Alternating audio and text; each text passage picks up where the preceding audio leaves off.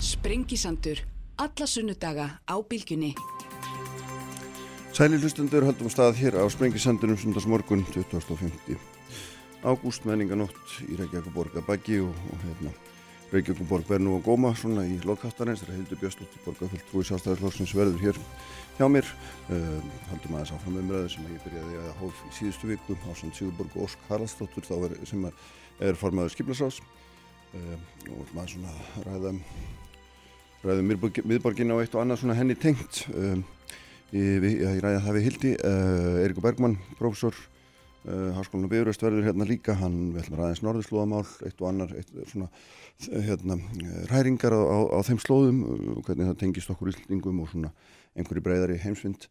Ólfið Kárasson, Kolbjörn Óttarsson Proppið verður hérna líka, ræðum fjármagnu ríkisútarsins, ræðum þar líka kannski aðeins hingað komu Mike Pence, var að fasta bandaríkjana, þannig að þetta tengist nú aðeins er ekki auðvitað líka og hérna en fyrsti gestur minn í dag Sigmundur Davíð Gunnlaugsson uh, formað viðflóksins, velkomin Sigmundur. Takk að þið fyrir uh,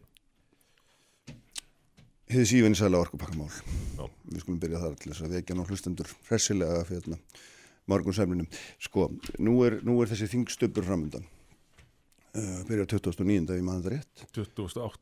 2008. já, þá mann ég það skakt já, uh, hérna, gott og velskiptir ekki máli uh, hvað gerist á ykkar hálfu því að nú kemur þetta mál til mjög skamrar umröðu og síðan atkvæðagreyslu mm. og þar með líkur því, eða líkur ekki en vantarlega líkur því nú með einhverjum hætti en hvað, já. ég er bara spenntur að vita hvað er strategían, hvað gerist?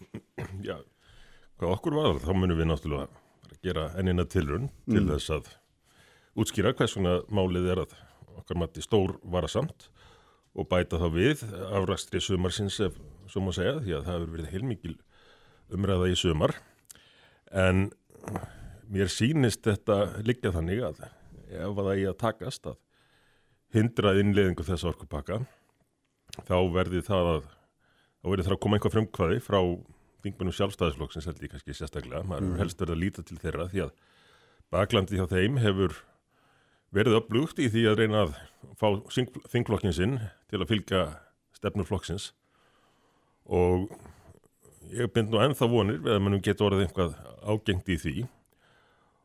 Þó ekki væri til annars en að, en að málið þengi einhvað aðeins meiri byggðhelst bara senda beint í, í saminglu eðsnefndina það getur verið að, að einhverjir þingmenn stjórnarlið sem sé að hugsa þetta mál sem svo að nú getur ég bara loksast klárað og þá glemist það fljótt. Mm -hmm.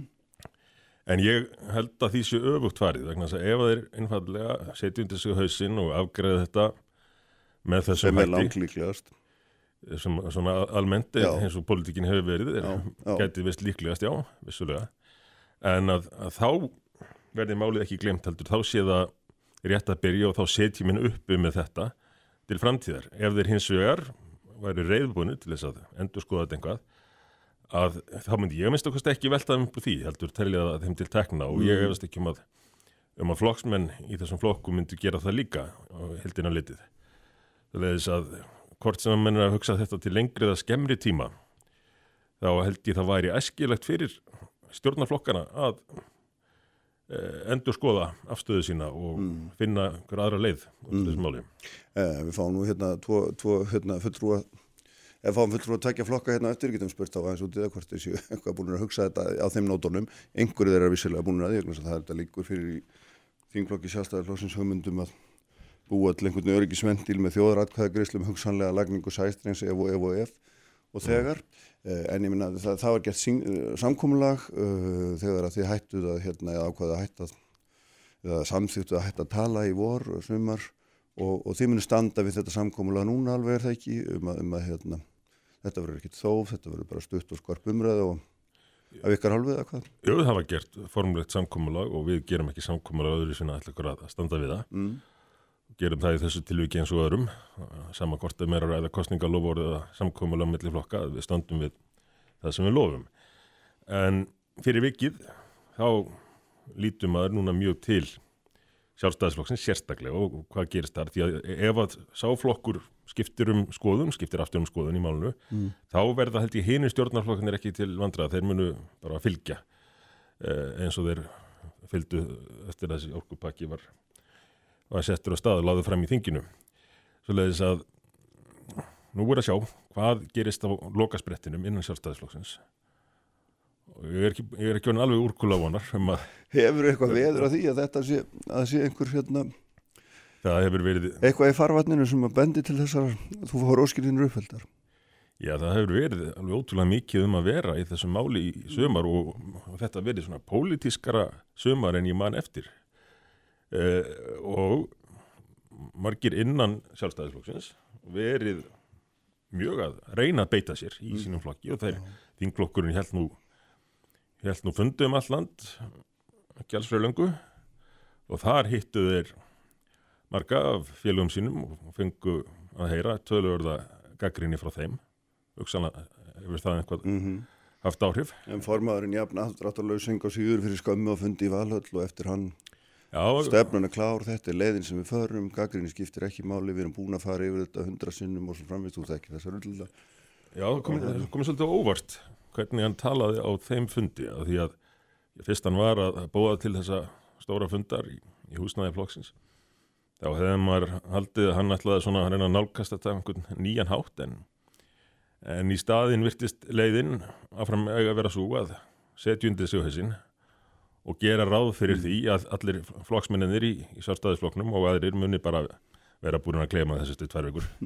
En nú er náttúrulega ljóst að þú sér að sumar að vera pólitísk og það er þetta hérna alveg hár réttur meðal annars hafa og var náttúrulega voru fundir í utanriksmála nefnd þar sem að kom nú hver þar sem gegnum maður undir mannshönd við að fullvisa þingið um að það gæti óhægt haldið áfram sinni leið og kannski ekki díkja margir fyrir utan það sem eru bara pólitískir anstæðingamálsins uh, sem að hérna sem að eru annara skoðunar, þú finnur einn og einn en svona megin þorinn að fræðimönnum liggur, liggur þeim megin að þetta sé allt í lægi og ég meina, er, er það, er, hlustar þú ekkit á þá?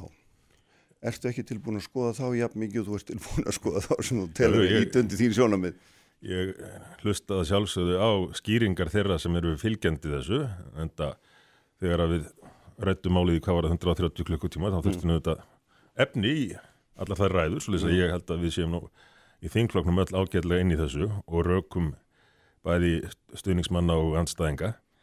Eh, Gallin, svona megin gallin við rök þeirra sem að tala fyrir þessu finnst mér vera sá að menn svona reyna að halda því fram að það sé ekkert víst að þetta valdi neinu tjóni og, og þetta breyti í í sjálfu sér litlu en sa- enga síður þá er alveg, alveg hamast við það á öllum vikstöðum að reyna að þvinga þetta í gegn og jafnvel eins og ég rakti á þann í andstöðu við eigin flokksmenn.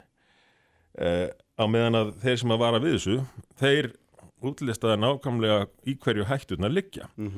Og svo bara höfum við líka dæmin. Við höfum annars vegar dæmi um það að svona, kerfið innan gæsalappa reyni að telja okkur Íslandingum trúum að að sé allt í lagi að að láta undan Európa-sambandinu eða Breitlandi eða Hollandi eða allþjóða gældir í sjónum eða hverjum sem er þetta sé nú allt saman hættulöst svo þegar mann fara að kafa vonni hlutina þá, þá leynast nú hættunar víða. En svo er það líka hitt að raun dæmin halda áfram að hranast upp. Dæmin um það hvað þessi orkupakki raunverulega gerir. Og gæti valla verið mikið skýrara en, en það sem kom upp í Belgíu núna fyrir já, tveimur vikum þegar Európa-sambandi fer í málaferli við Belgíu landið sem að, sem að höfustöða sambandi sem séru fyrir það hafi ekki innleitt þriði orkupakkan nógu vel. Og hvað höfðu þeir gert af sér belgarnir að mati ESB Jú, þingið vildi áfram hafa einhverjum það að segja hvað, hvaða lög væri sett í orkumálum. E, þessi nýja orkustofnun hún átti að fá að að koma með tillur að frumvörpum en hún gæti ekki tekið bindandi ákvarðanir. Þingið vildi fá að koma einhverja að því. Þetta var ekki nógu gott. Og hitt var að ríkistjórnin belgiska vildi hafa aðkomið ákvarðanum um tengingum milli landa. Það líka taldist ekki nógu mikil innleðing þessa orkupakka og þar á leiðandi farið í málaferli við, við landið Nú, nú eru belgar í Európa-sambandinu við ekki og það eru ekki landfræðilega tengdir Európa-sambandinu við ekki sem skiptir nú tölvöld miklu máli auk þessum að sko belgar sítja náttúrulega sjálfur í innsta kjarna Európa-sambandinu sem hafa alltaf gert Þannig að þarna stilla þessu upp þannig að þeir séu að Európs sambandi sjálf sé einhverju stríði við belga er náttúrulega bara eins og halda því fram að hægri höndin viti ekki hvað svo vinstri gerir þessi konur í stríði sjálfan sig. Já, ég er ja. ekki, ekki alveg vissum að kjósendur í Belgíu upp til hópa myndu samþykja þá tólkun að þeir væri bara Evrópubúar en ekki, ekki belgar og, og einhverjir embættismenn og 27 ríkjum og kjörnir embættismenn ættu að ráða meiru um hagsmunni Belgíu heldur en belgarnir sjálfur. Aðal valdið í Európu líkur náttúrulega hjá stjórnmálumennunum þegar líkur náttúrulega í ríkistjórnmálum en þá sem nei, koma saman í Európa-samundinu eftir að halda því fram að, að hérna, ekki nema hjá Merkel og, og Macron en að öðru leytir þessu stjórnmál Ríkistjórnir hafa ekkert að segja lengur í Európu, að segja við það? Var, varandi málumni í Európu sambandsins þá hafa ríkistjórnir minni landana mm svo gott sem ekkert að segja. Þau öll fulltrúarninn, þetta er allt samsett úr þessum lönd. Já, sjáðu bara núna Brexit umræðuna. Eh, það er ekki eins og haft fyrir því að, að setja á svið einhverja síningu með, með það hvernig, hvernig það virkar allt saman. Macron og sérstaklega Merkel koma bara fram og gefa út yfirlýsingar um hvað þau telji getur orðið niðurstaðan. Mm -hmm það er engin að, að spyrja fórsettisræðar Slóvinju, hvað honum finnist eða mm. þessuna Pólans mm -hmm. það er bara mm, frakkar og þjóðverjar uh, eh, ríkistjónir þeirra landa, jú, það geta haft áhrif á gangmála, en að öðru leiti er þetta allt saman kyrt áfram af uh, Evrópumönnunum, sem að líta fyrst og fremst að sig sem Evrópumenn frekar en fulltrú einhverja þjóðar í, í uh, Evrópusambandunum sem að mestuleiti eru ókjörnir fulltrúar svo er þeir jú með þetta þing sem að Þú talar um þetta sem ekki lítilsynningu við, við, við slítum á sambandi við það gegnum ES við erum nánast inn í Europasambandinu þú talar um sem ekki fyrir það getur alltaf verið þér hérna, kært að vera þar inni þá Já, við erum ekki, ekki nánast inn í Europasambandinu Já, jú, við erum í byggstofinu fyrir framann við komumst nú ekki næra á þessa gangin Já, já, við erum, eh, við erum að taka upp ég, það hefði verið 13% að jafna það reglugjörðum sem koma frá Europasambandinu mm. en þú spyrir okkur í tali með þessum hætti um mm. Europasambandið ég, held að ekki farið fram hjá neinum að Europasambandið er í stórkostlegum vandraðum og framganga þess undanfarin ár hefur þetta verið í mörgum tilveikum stór skadleg fyrir þá sem að fyrir henni hafa orðið. Í nefni sem dæmi Greikland sjáðu nú munin að stöðu Íslands núna og, og Greiklands þeir sjá ekki fram á að geta nokkuð tíman greitt sínar skuldir þráttur að hafa verið í endalösum niðurskuri og hvað varðum allan peningin sem þeir voru neytið til að taka láni? Að meira og meina fóran til stóru ellendu bankana og þetta var undir handleðslu Európa-sambandsins og hvaða, hvaða álíktan er dregur aðeins þú talar um þetta miklu lílsvinningu svo gefum við þetta dæmi. Og hvað á maður að gera með það? Hvað á ég að gera með þetta dæmi Hva, hvaða leið viltu fara út úr þessu? Já, viltu fara út úr þessu? Viltu fara frá Evrópu? Fara, fara frá Evrópu, já við vestur hluti landsins færist kannski aðeins frá Evrópu en vestur hluti nær, eitt centimetru ári en öðru leiti ætla ég ekki að færa landi Svar en þannig, já, já, allt í góðu. En, ég minna svaraði því, minna, þú, það lítur að vera eitthvað baki svona fullýringum lítur að liggja einhver hugmyndafræði, einhver stefna? Og já, er? Stefnan og hugmyndafræðin kallast líðræði sem hefur mjög hallað á mm. í Európa reyndarvíðar og hennum síðar árum þar sem að valdið er stöðut að færast frá kjósendum, almenningi, þeim sem að eiga að ráða örlugum sínum sjálfur og til stopnana og kerfa, til ennbætsmanna sem að eh, ganga á lægið og, og ekki hvað sístaklega stjórnmálmenni sjálfur er oft fyrstið til að vilja gefa eftir valdið sem er þó ekki þeirra að gefa. Eh, og við sjáum bara afleðingarnar af þessu með ákvarðanatökun í Evrópu sem að er ekki til þess ætluð að, að, að hún er ekki sniðin að hagsmunum hversu eins. Hún er sniðin kannski helst að hagsmunum Þískalands og, og Fraklands og að þú spurðir hvað þú er að taka frá Greiklandsdæminu mm. uh, ég taktu bara frá því þennan samanburð á stöðu Íslands núna og stöðu, stöðu Greiklands, stöðlönd sem er lendi í stórkostlegum efnaðsremmingum um svipaleti Ísland hefur núna greitt niður ríkiskuldir hraðar en okkur til ríki uh, allavega í, í, í nútíma sögu. Uh, Hagvöxtur hefur verið með því almesta í, í vestrænum ríkjum, atvinnuleysi nánast úr sögunni og ríkisfjármálinn í, mjög góðu standi á meðan að grekkir voru beinlýnis píndir til þess að taka á sig gríðarlegu lán til þess að borga út banka sem að höfðu farið óverlega í Gríklandi Já. Og á sama tíma og þeir eru látni loka spýtsulum og, lækka ellilífur um 40% og þar fram til göttunum. Eitthvað hefur það nú að gera með innmiðina sem voru fyrir ekki satt líka hvernig það fara út úr svona málum. Að sjálfsögðu geta, geta þeir að einhver leiti sjálfum sínum kent sem að, sem að höguðu málum óskinsamlega en þegar að niðurstaðan lág fyrir, að það er að segja Gríkland var í rauninni komið í þrótt þá í stað þess að að reyna að vinna úr því með einhverju langtíma sín fyrir uh, út frá hagsmunum íbúalandsins þá er farið að vinna fyrst og fremst að því að, að losa út bankana Já. Sko, hérna, prófum að taka þetta saman í eitthvað og, og, og leiða þetta síðan út í þessa andstöðina við orkupakkan Já, og þar sem að framfyrir vegna hérna, hún er þá einhvers konar kjarnapunktur í því, þeir eru ands, í andstöðinni við eitthvað kerfi, Európi kerfi og ég er að reyna að fiska þér, er ekki að reyna að fiska út dæmi á Gríklandi, ég þekki það alveg, ég er að reyna að fiska út hvaða því að þessi andstæða þín, hvernig hún afleðing, hvernig þessar afleðingar eiga að byrtast, ertu að búa það þú og þinn flokkur, að við eigum að stíga einhver skref út úr því alþjóðarsamstarfi, euróska samstarfi sem við erum í, er það það sem liggur á baki, það það talið að liggi í grunninn undir Já, ég, ég reyndar veit ekki hvernig þær staðhafingar eru tilkomnar því að ekkert okkar hefur búið að útgöngu úr, EES staðhengunar eru komna vegna svo talar eins og þú talar. Já, já, Já, en, en það er hins vegar Evrópusambandið sem er að ganga á lægið, sem er að breytast, sem er að taka til sín stöðut meira vald. og hva, Við erum ekki að horfa á einhverja, einhverja stöðu sem hefur verið óbreytt lengi og, og við á einhvern nátt að, að bakka út úr henni. Það er Evrópusambandið sem er að sækja á. Mm -hmm.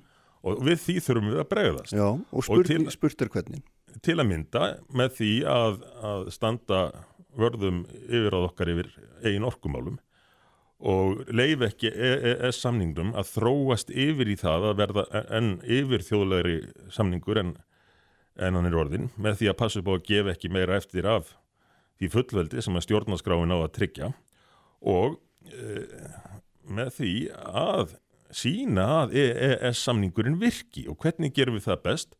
Jú, með því að nýta það ákvæði sem er skrifað inn í samningin um rétt ríkja sem að telja gengið á hagsmunni sína til að senda mál aftur til sameinlu ES-nefndarinnar og, og leita sátta þar, leita sameinleri ásættanlegri niðurstöðu.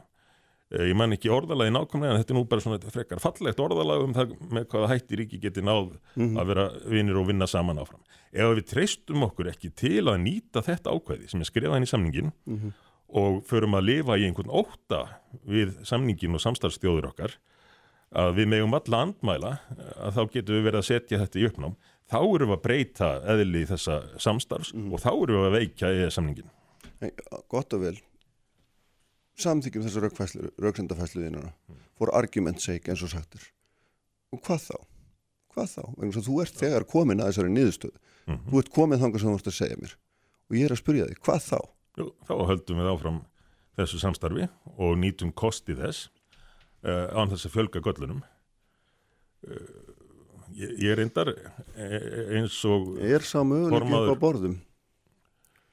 Já, Ég- ég, ég, tel hann séð það en augljóslega er hann það ekki ef við sjálfum ekki einu sinni vilju til þess að verja okkar einn hagsmunni þá munum en ganga enn hraðar á lagið. En ég tel að, þjóðir hljóti að vilja almennt vinna saman. Og, og þess vegna held ég til dæmis að, að Breitland þegar það er farið úr Európusambandinu muni eiga til til auðvelt með að gera samninga við önnur löndum um samstarf og viðskipti. Mm, mhm. af því það er gagkvæmur hagur en það má, við getum ekki látið það gerast að EES samningurinn verði notaður sem verkværi í þessari, þessari þróun, þessum breytingum sem að verður að innleiða í Europasambandinu með aukinni miðstýringu og auknu yfir þjóðlugu valdi. EES samningurinn átti ekki að vera til þess. Mhm. Þá þurfum við að endur skoðan með öðrum orðum og hérna og, og það gerum við nú ekki kom í vekk fyrir að hann halda fram að breytast að minnstakosti, Já, breytast í þess stöðla átt. þróunars þá Ég meina það Nei, er endur skoðun er það ekki? Já, hann náttúrulega þróast endalaust og reyndar þykir nú kannski sumum nógum þennan endalesa reglugerða ströym Mm. en fyrst og fremst þurfum við að koma í veg fyrir að eðli hans breytist til að mynda með, með því að ef við síndum að við þyrðum ekki einu svona nýta ákvæði samningsins af ótta við það að ein- einhver ennbætt sem er úti tækið ítla uh, og þá er samningurinn að stöðut að vestna fyrir okkur. Þá höfum við ekki, ekki það góða sem að hann uh, inniheldur og þá munum við áframganga á lagið með aukinni mistringu og nótkun EES samningsins til þess að auka pólitíst vald yfir EES þjóðunum. Það getur við ekki látið gerast. Var, með því væri við að skada samningin og þá þyrti kannski að, að fá mig eða einhver aðra í, viðtöl til þess að ræða hvort við getum verið áfram í EES samningum ef við, ef við væri búinir að skada hann með þessum hætti að við bara einfallega tækjum ákvörnum það að við ætlum aldrei að standa á okkar í þessu samstarfi, heldur bara að taka því sem að okkur rétt. Já, já, en nú er þetta ljóstað þarna uh, ef að við innlegum þetta ekki þá mistu ástyrir margir sem telja sem að og hérna ónefndu marga mm. en margir fræðiminn hafa sett fram á skoðuna að það myndi valda svona pólitískum óróa mm -hmm. þetta, hérna, þetta er það er enginn fordæmi þessa og, og, hérna, og þá segir mér eigum að láta brjóta á þessu máli um þessi ja. atrið sem þú ert að nefna nákvæmlega hversu langt næri valdið? Og þú segir já, látum brjóta á þessu máli. Förum ekki lengra. Já. og svo skulum við setja okkur í þá stöðu, við förum bara ekki lengra. Og þá brotnar þetta upp. En það er óhjókvæmilegt, er það ekki? Er það ekki óhjókvæmilegt? og þú, mér finnst þú svona Ef við förum ekki lengra, hvernig? í, í, í þá átt sem að sem við erum að fara nú, nei, bara við föllumst ekki á þetta mál. Já. og þá brotnar á því máli og við þurfum að þá, þá hérna þá dett fellur En hvers vegna ætti að gera það ef að þetta skiptir í rauningu eins og sem er leiðað sér að halda fram þessir mörgu sem að þú Vegna þess að orkupakkin þriði hann, hann fellur úr gildi ef all aðaldaríkin þetta samþykjan ekki Já, er það ekki rétt? Eða þau geta gert breytingar á hann Já, eða einhverja fyrirvara Og, já, já. og ég hugsa að norðmenn verðu því fegnir að, að fá tækifæri til þess að, að spyrja hvort að fyrirvarnir sem að norska mm. þingi samþýtt einhlega mm. ætti að halda mm. sem að Evrópussambandi hefur ekki haft fyrir því að svara þeim eða ég 14 mánuði eða 15 En þú er svo tortrygging að hvert Evrópussambandi Já, en það er ekki ástæðu lausu Þú er svo tortrygging að hvert EES-samningnum og þess vegna er ég alltaf að spyrja aftur og aftur og fyrirgeðu þrákjæklina en, en sko, ég minna, hvaða, hvaða, hvaða afstæðast í raunum búin að taka gagvert þessu samstarfi? Já, afstæða mín til þessa samstarfs er, er einfallega svo að það verði að byggja á uh, samstarfi fullvalda þjóða. Uh,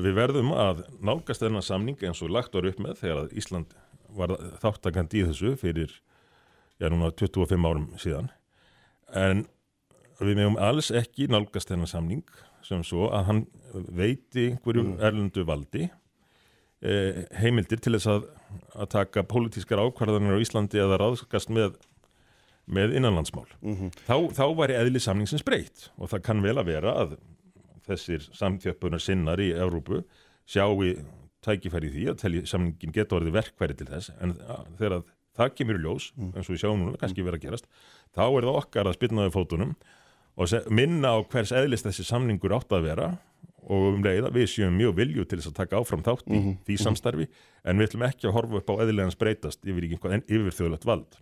Sko, ég ætla að lesa fyrir smá klausu hérna, áður en við tökum svo smá hlýja og, og, hérna, og hún er höfð eftir, eftir Hilmar Gunnlaugsson sem hefur hérna, skrifað mistara prósurítgerðum í, í Belgíu um, um orkumarkaðin mm -hmm. það sem ekki er í þrýðja orkupakkanum. Það er ekki verið að taka ákvörðunum að leggja sæstring.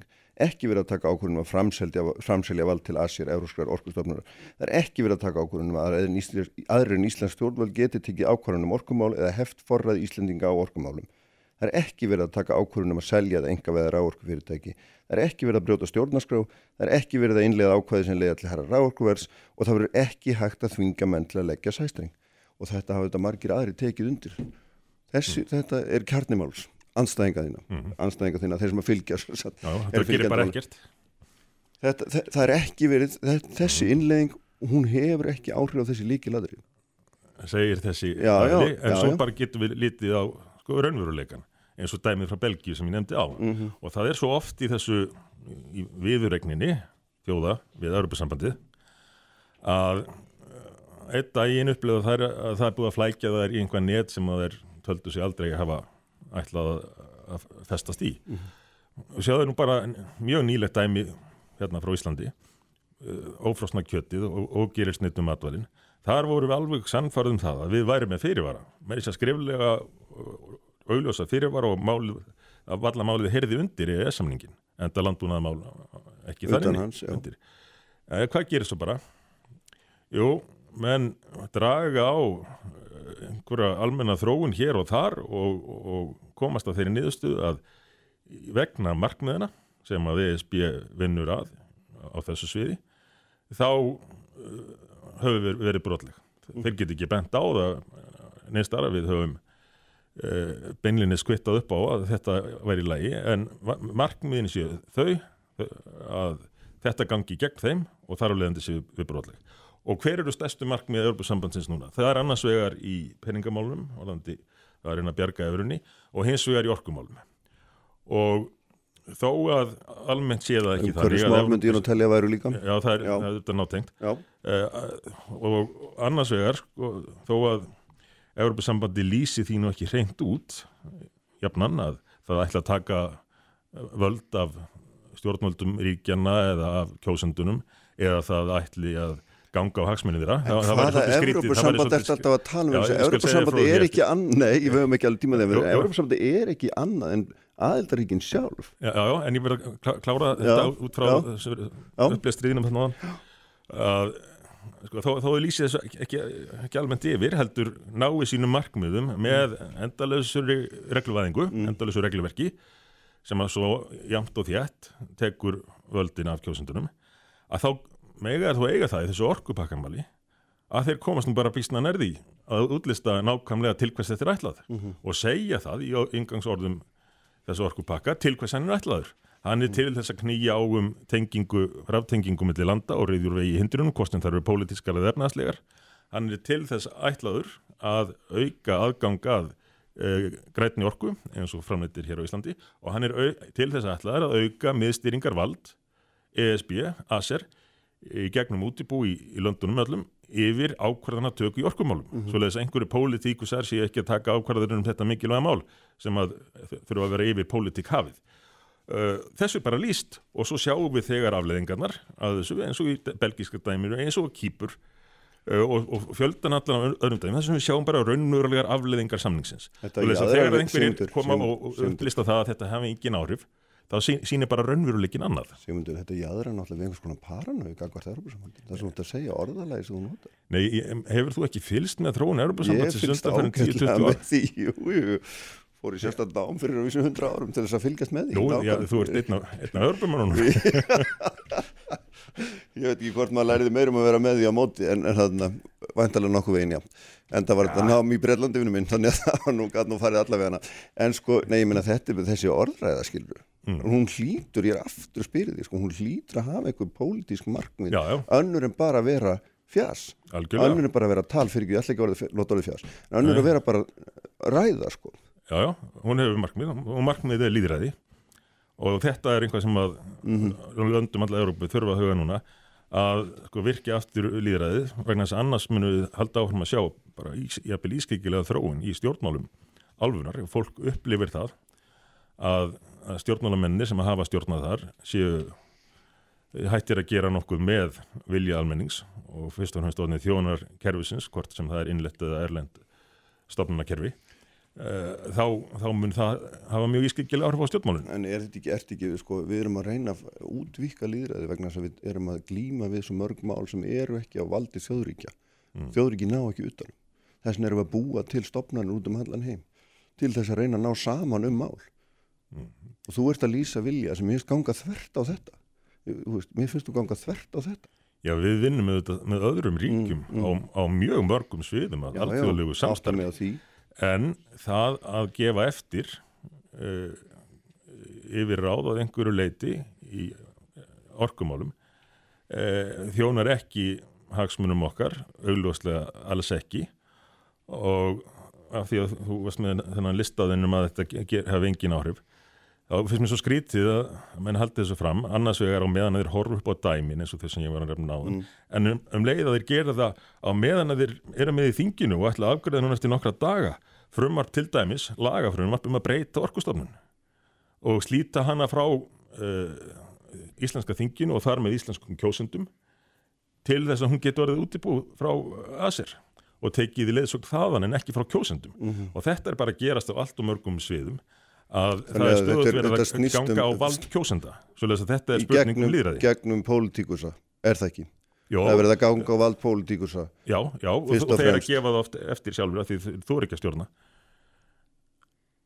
Já, sko hérna ég veit það ekki.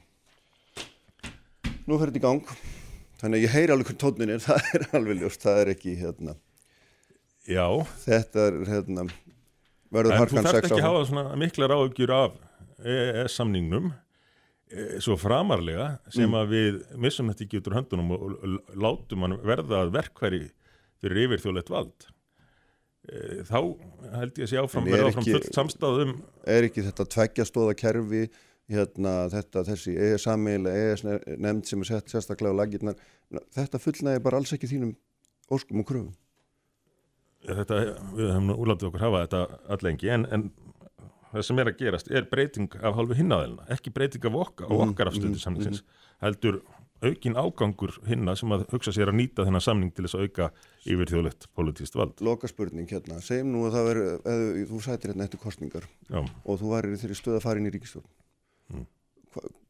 Væri, hver væri krafa þín í ríkistjórnarsamstarfi varðandi EES samningi að hann verið látið virka eins og lagt var upp með. já en þetta er svo myndur Já, ne, ne, bara að samningurinn virki eins og hann átt að gera sem að var hvað? mm -hmm. Jú, samningur um eh, viðskipti og, og og hún verið spólað tilbaka með einhverjum hætti og, Hvað sér ég? að hún verið spólað tilbaka því þér finnst auðvitað sem gengir á lán Já, ég er nú ekki deitnum að hafa áhyggjur af því að hann hefði kannski verið að ganga á land í einhvern tilökum. Formaða sjálfstæðisflokksins uh, listi því mjög opinskátt í viðtali og gott ef ekki grein fyrir ekki svo löngu síðan að við þyrftum að ræða hugsanlega endurskoðun EES-samningsins. En aðalatrið er það að við leifum ekki eðilegans að breytast. Heldur sé þetta hugsa sem samningur milli jafn réttára ríkja sem að geti nýtt þann rétt sem að samningurinn tryggir þeim en ekki samningur þar sem að einhverjir við sérstaklega skýslendingar lifum í stöðugum ótta og látum bara senda okkur tilskipanir. yes, heyrðum, einhver myndi segja að þið verið að ala á þessum óta fyrst og fremst Nei, nei, ég bara ræðum það sem við sjáum gerast í, í veröldin í kringum okkur. Ég er að, sjáum, ég er að tala um e, þær afleðingar sem að Európusamstarf, miðstýrt Európusamstarf, yfirvald segja, hefur haft fyrir mörg ríki í Európu og kannski sérstaklega þeim minni. Og þá er ekki skrítið að almenningur vilji fá að hafa meira um hlutin að segja, svo að þessi umræða er spurningum líðræði fyrst og næst. Jámandi, Sigmundur Davík Gunnarsson, takk fyrir að koma Takk. Þetta var snart og gott og hérna næstir er hjá mér Óli Björn Kárasson og Kolbjörn Óttarsson Proppi Uppspretta frétta á Sprengisandi á Bilginni. Uppspretta frétta á Sprengisandi á Bylgjunni. Sælir aftur hlustundur, höldum áfram hér á Sprengisandinum, Sigmundur Davík Gunnarsson formaði miðflóksins farin hjá mér eftir framar eftir skarpar raugraðum, já eitt og annað orkupakka máli en kannski einhverjum sérlega um svona stefnu hans í alþjóða samstarfi og varandi Europasambandið og EES-samningin Ólbjörn Kárasson, Kolbjörn Óttarsson Proppes þessir hérna hjá mig báðir. Velkomnir. Takk. Alþingismenn, hérna, við ætlum að ræða eins, hérna, ég fekk ykkur til þess að ræða eins um, um hérna, ríksútarpið alltaf gaman að ræða um ríksútarpið fjármagna þess og svo framvegis og hérna, menn líktin aftur á augunum e, en, en hérna, langar aðeins að byggja ykkur að bregðast við þessum hérna, við Sigmundi vegna þess að það komaði til ljósi sem viðtalið að hérna, miðflokkurinn er hefur heldur sko herst í ástöðu sinni ef eitthvað er yfir sumarið finnst hérna Áttur opnið- von á öðru? Já, ég meina, ég veit það ekki, ekki, en ég meina, við erum að fara í þetta þennan þingstup og hann batt Óli Björn hann og sérstaklega beindið í þín, en þá vonir við að sjálfstæðarflokkurinn skiptum skoðun í málunu og færi með miðflokknum á móti þessari þingsáttum álituna til sem fyrir líkur. Og nú er spurt, er það að fara að gerast? Æ, Óli, skúpiði. Já, hvað er með það? Sko þetta er auðvitað svona skemmtilegur pólitísk og samkvæmisleikur sem að sem út af Davíð stundar Nei, við munum taka þátt í því hér að næst komandi miðugudag að hefja umræðan aftur um þingsáluttun auðvaríksar á þeirra og síðan uh, þau mál sem að uh, Þórtis Kolbrún uh, er með bæði þingsáluttun og, og frumvarp og munum síðan að greiða atkvæðum þau mánudaginn annan september.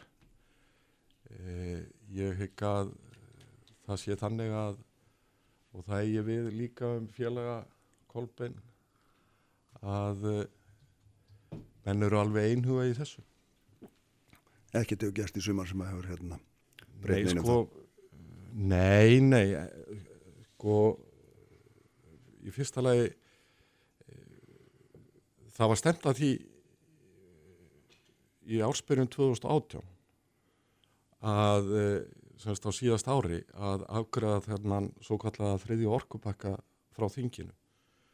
Svona eh, um það leiti sem að normenn voru að, að, að eh, afgræða fyrir sitt leiti aflétta hennu stjórnskipulega fyrirvara svo kallaða þá voru hins vegar uppi töluvarar efasemdir í þingklokki sjálfstæðisflokksins og ég hygga það sé rétt hjá mér að það hefur kannski átt við um þingmenn fleiri en minnst ákvæmst ekki okkur og ég var í þeim hópi.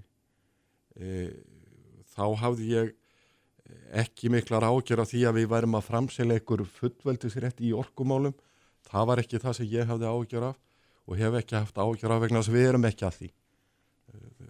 Það eru, það eru blekkingar sem er verið að halda uppi hér í þeim efnum að við séum að afsala okkur einhverjum fullveldisrétti þegar að kemur orkumálum, þegar að kemur að eignarhaldi eða skipan orkumálum mm -hmm. hér á Íslandi. Það eru blekkingarna.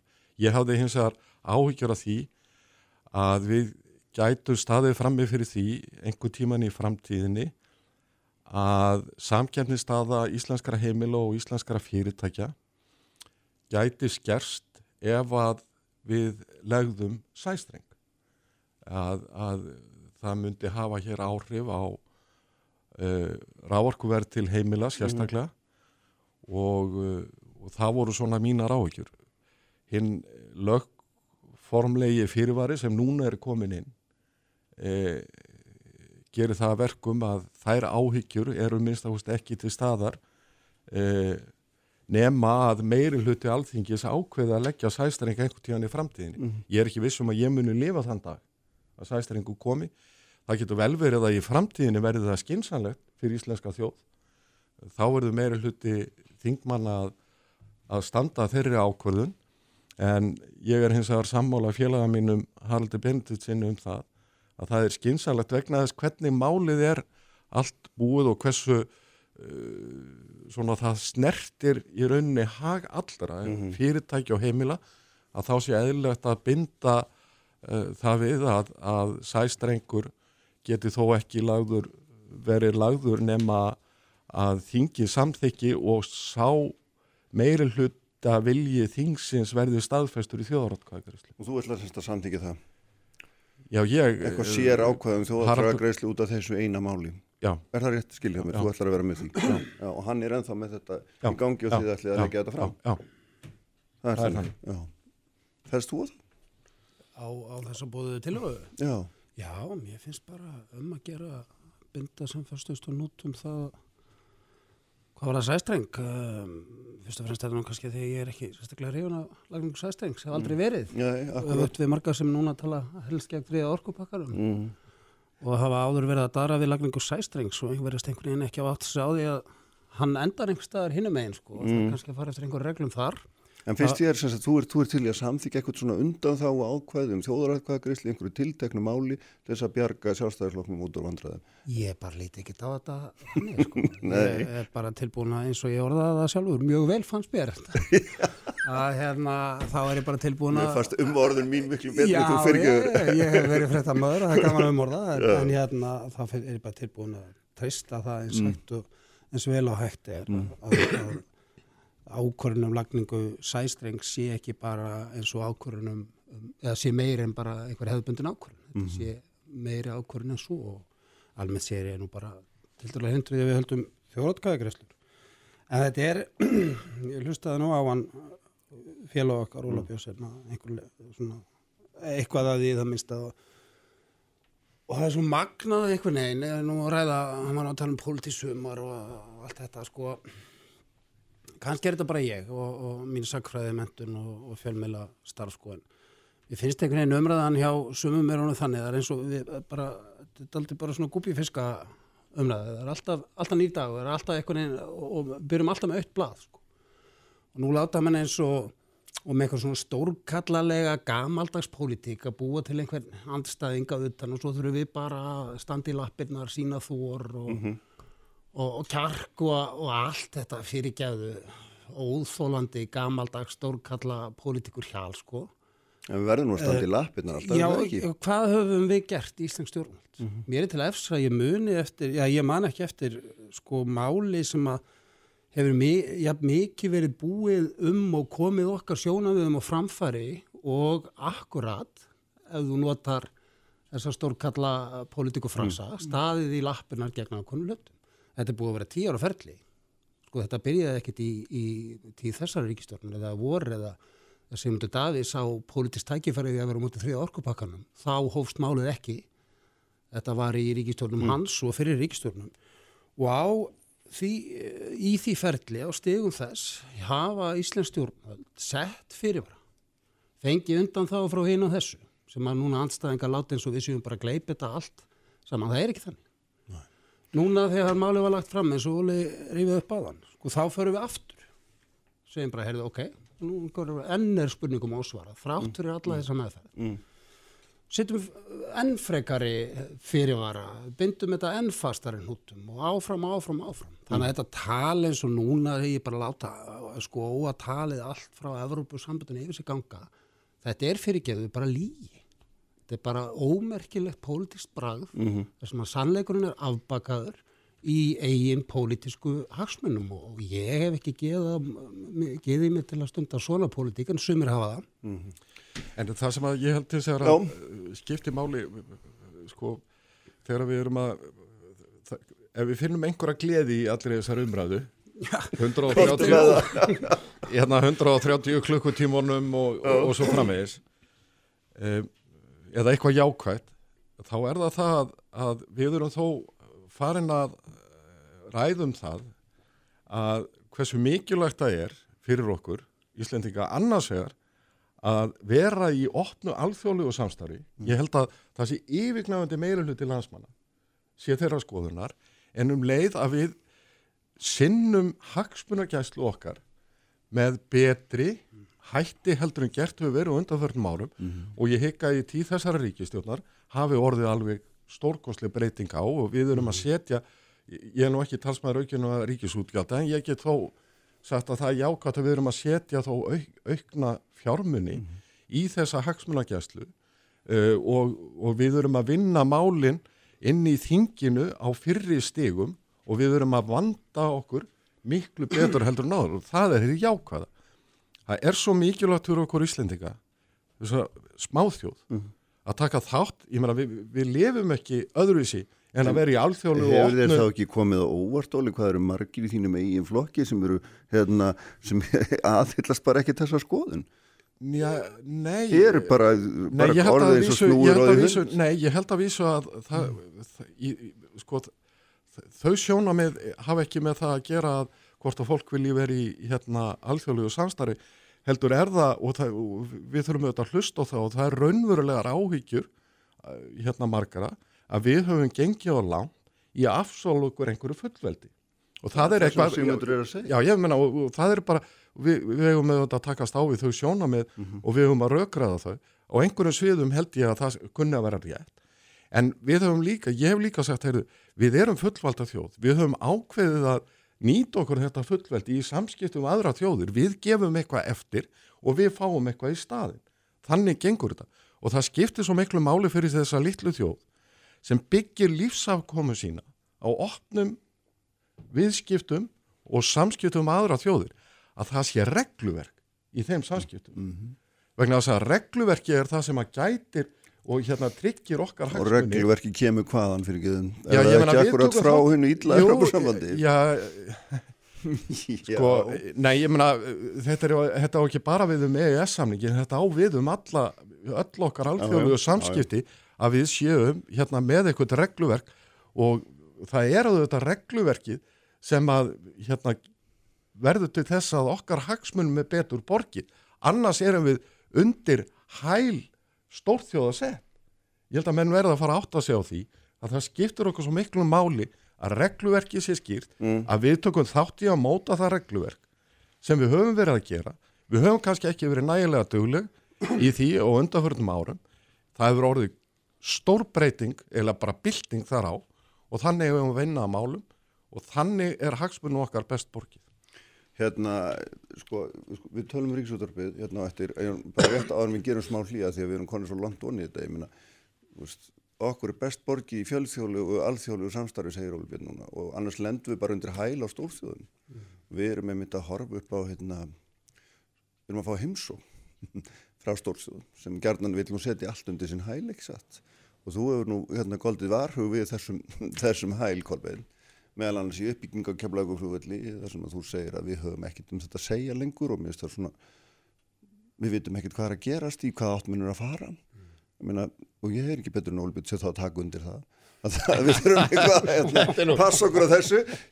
Nú náðum ég að leggja hressilega út að þér Ólbjörn, þetta snýri Takk fyrir í dag, þarna hitti anskutin ömmu sínu en ég minna samt það er sannleikskotni ég veit ég er ekki að pína en er það ekki?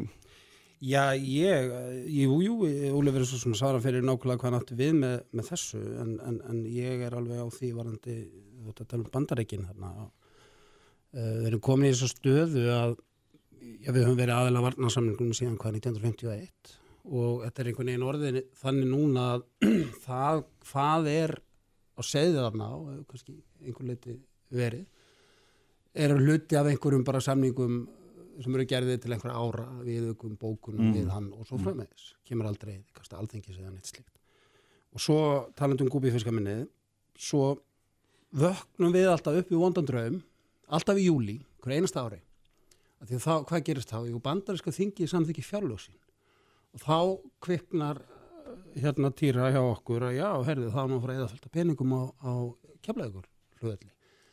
Þetta getur ekki verið eðlileg umgjörð um hvorki umræðuna nýja bara uppi þar að segja svæðið og hvernig mm. og þróun sko. við hljótum að vilja bara geta rætt þetta ég menna ef einhverju hrifnir að því að séu farið í mikla uppbyggingu eða viðveru þá hljóta mann að geta rætt það fyrirfram mm. en ekki að menn alltaf bara vakna upp þennan vonda draum eftir á að því að núna komaði að bandarski þingmenn tóku ákvörunum um fjárlag uh, við hljótum sem hérna stuðningum með upplýstur og umræðu og akkurat þess að við bara svona sko, stöndum aðeins hérna fast á því hvað við viljum. Og hvað viljum við?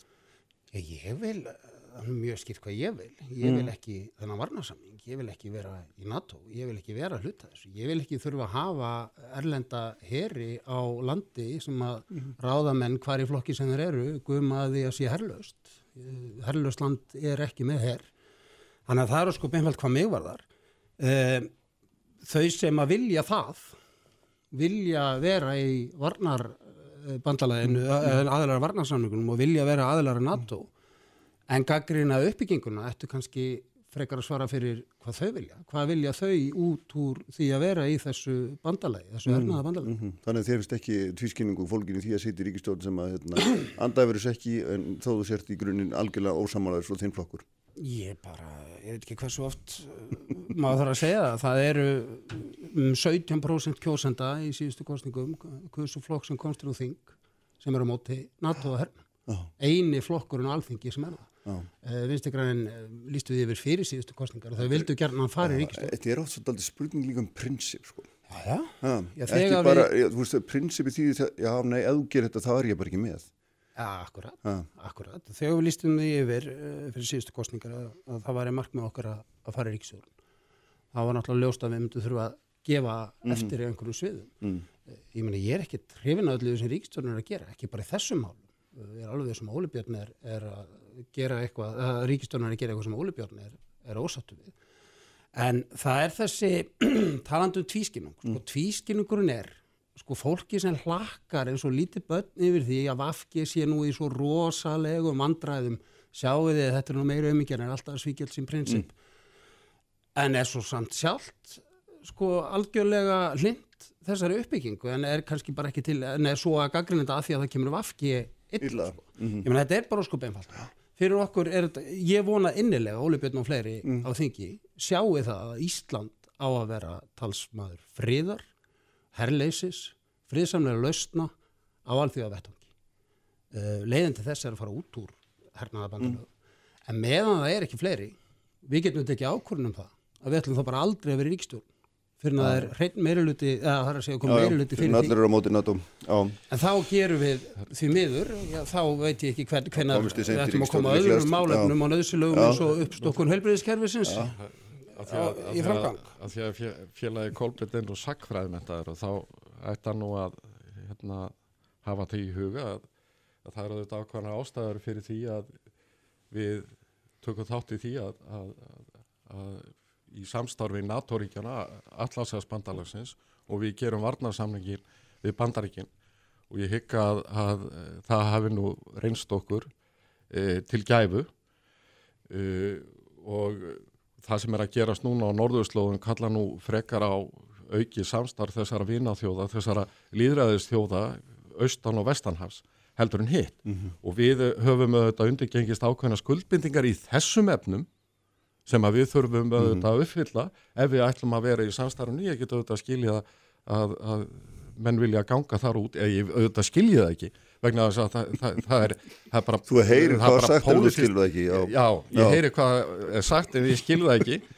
En skal, við rífumst oft um þetta hérna svona á kaffistofunni en, en látum það líka til hluti ég nefnilega vil ganga einn lengra í þessu samstarfi. Ég hef verið núna á síðustu tíu árum hef ég verið að ræðum það að við eigum að hafa fórust um það og núna til dæmis með Brexit ef að Brexit verður að veruleika sem allt lítur út fyrir og því hvort það er samningur þar á bakið ekki að þá hyggja að við um að fara að hefja það samtal Íslands stjórnvöld að mynda hér bandalag ríkja í Norður Allandshafi, Noreg, Ísland, Grænland, Færiðar, Kanada, Bandaríkin og Bretland á sviði fríverslunar. Við höfum að gera fríverslunar eh, hérna, svona svæði hér.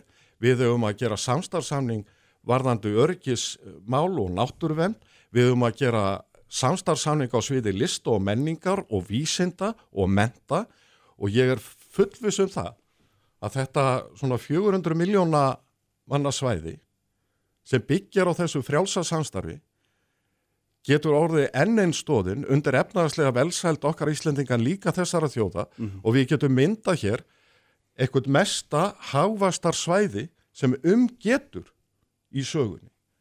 Og þá erum við farin að tala um það að við erum að byggja hér Hefurðu okkar á þess- mörgum hefur áhuga á þessu með þeim stjórnvöldur sem er í bandaríkjunum núna? Er, Já, sko, þú, þú, þú, getum ekki, þú getur ekki talað um hérna framtíðina og hérna sagt bara, já, þú veist, bandaríkjafósið er mér ekki að skapi, þess vegna ætla ég ekki eiga hérna samskipti við bandarísk stjórnvöld eða, eða bandarískan almenninga eða bandarísk fyrirtæki, það eru þetta algjörlega fráleitt. Þú getur haft skoðanir á Trump og þú getur haft skoðanir á Mike Pence og fundist margar þeirra skoðanir og ógæðfældar og svo framvegis, en við þurfum auðvitað að eiga samstarfið þessa þjóð og við, og við erum að tala um þessa þjóðir. Og þetta er ekki að fara að gerast á morgun. Þetta er að gerast ef að menn hérna eru til að í bóða þetta þetta einhvern veginn til höfus, Európa-samstarfinu Nei, nei, nei, alls ekki og það var það sem ég ætlaði að segja og þú gerist í fyrir. mér að ég held þá að við séum þá farin að setja enneina stóðina undir pólitíst og efnaðarslegt fullveldið þjóðarinnar sem byggir á veru okkar í Atlasjánsbandalæðinu, EES-samningnum, nú a- öðrum alþjóðastóttunum eins og saminu þjóðunum, en síðan þessu hagvæstar frívæslunar og samstarfsvæði þessara þjóða í norður Atlashafi. Og ég hygg að þetta sé eitthvað sem við ættum að fara að ræðum. Ég er sjálfur, það eru svona tíu ár held ég, síðan ég byrjaði fyrst að, að ræða þetta og hef ekki fengið miklar undirtættir, alveg makalust, vegna þess að ef að menn, ef að menn horfa á þetta, ef að menn horfa bara á landakortið og horfa á þess að þjóðir, að þá eigum við að gera þetta og við eigum að byrja á að stíga þessi skref og til dæmis gæti koma Mike Pence var að fósta bandaríkjana verið tilumni til að taka þetta upp og ég hegg til dæmis að Boris Johnson fósættistar á þeirra Bretla, Bretlands gæti nú verið áhuga maður um þetta. um þetta. Bara aðeins með Já. þetta og vertu hérna, nú ég- með, með ég- mér ég er að Óttarsson, ég hef með ekki- mér hef núna ekki leiðið þessum skrifum mínum síðastlegin áratíðunum þessum mál, þannig að ég verði aðeins að melda þetta. Ég vil þú bara segja það, að þegar það kemur á norðurslóðu, að því að ég, ég, ég eftir ég það vantaði í þessa upptalningu hjá kollega. Norður, Norðurlöndin Nei, dæmis. já, já, en ég hóði eftir að vandaði máluflokkin, eh, sko, aðkoma okkar og, og hvernig við hugsum um norður slóðir á fyrst og fremst að vera út frá umhverfis og loftslagsmálum og einhver öðru. Ég sagði umhverfismál. Sagður það fyrir ekki, það, Já, það, hérna, dattana, það. það Já, já. býst til fólans, en, en það er alveg, sko, það á að vera sjónarhöllin, uh, fríverslun uh, og hverju byggir hún yfir, yfir, yfir Norðurpólinn og svo framvegis, við erum að horfa þetta út frá umhverfis og loftslagsmálum og við verðum átt okkur á því að við meinum eitthvað með aðgerðum í þeim, þá getum við þetta neitt okkur um ímislegt sem að kannski einhver hagvöxt. Þannig að ég vildi bara koma því að ég verð svo að tala um að því að, að, því að Óli nefndi hérna varnarsamningin og, og, og söguna sko.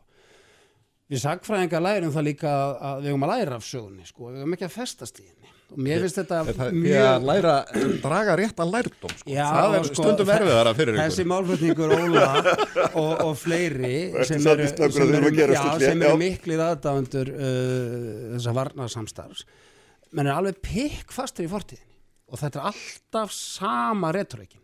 Það er alveg sama hvort þetta var þegar varnarsamningurinn er gerður Mm. í sko eftirmála senni heimstyraldar og í skugga hérna, átaka í, í Asíu uh, í kaldastriðinu í sko þýðu í alþjóðarsamskiptum þegar Sovjetir ekki hreinja hvað sem gerist núna þegar þetta er að byggjast upp aftur öðruvísi alltaf er það sama retorikin sem er notuð og þetta er fólk sem er ófært um að bara taka aukspeldin frá og hugsa, herðu kannski er heimsmyndin í dag allt, allt önnur en hún var 1951, gæti það ekki hugsast og við þurfum Þess kannski að fara að hugsa Þess vegna hefur- alþjóðamálin Þess vegna, öðruvísi nei, þess vegna hefur samstarf gerði.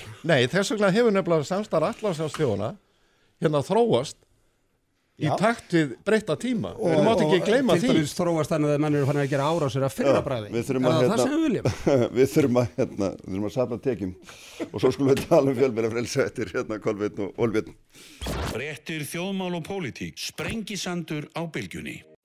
Sprengisandur. Alla sunnudaga á bylgjunni.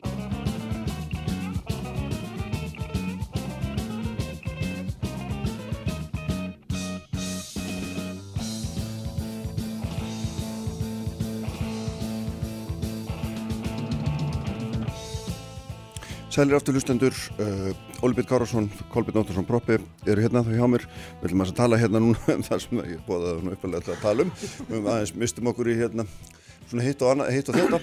E, en hérna það, voru svona eh, þessi, þessar hugmyndir mentamálráðarnas um, um að taka ríkisúttarfi af auglýsingamarka. Þetta hefur þetta verið rætt síðustu 20, 30, 40 árin aldrei verið gert og menn hafa haft þetta ímisrög gegn þessu meðal annars þau að hérna, meðal hans hafa nú auglýsendur sjálfur oft verið frekar ófúsir að það er svona breyta uh, sjónvarsmarkanum í einungunamarka og svo framvegis og hérna, en sko uh, hún er áfram með þetta og Lilja, Olbið, þú segir það sé betra að hafa ríksúttorfi á fjárlögum, Lilja talar hendur um styrk, en Kolbið, þú hérna, svo þú byrjar aðeins um þetta, sko þú talar um að það þurfi fyrst og að tryggja einhverja aðra fjármögnu áður en að menn geti yfir höfuð farið að hugsa um þetta.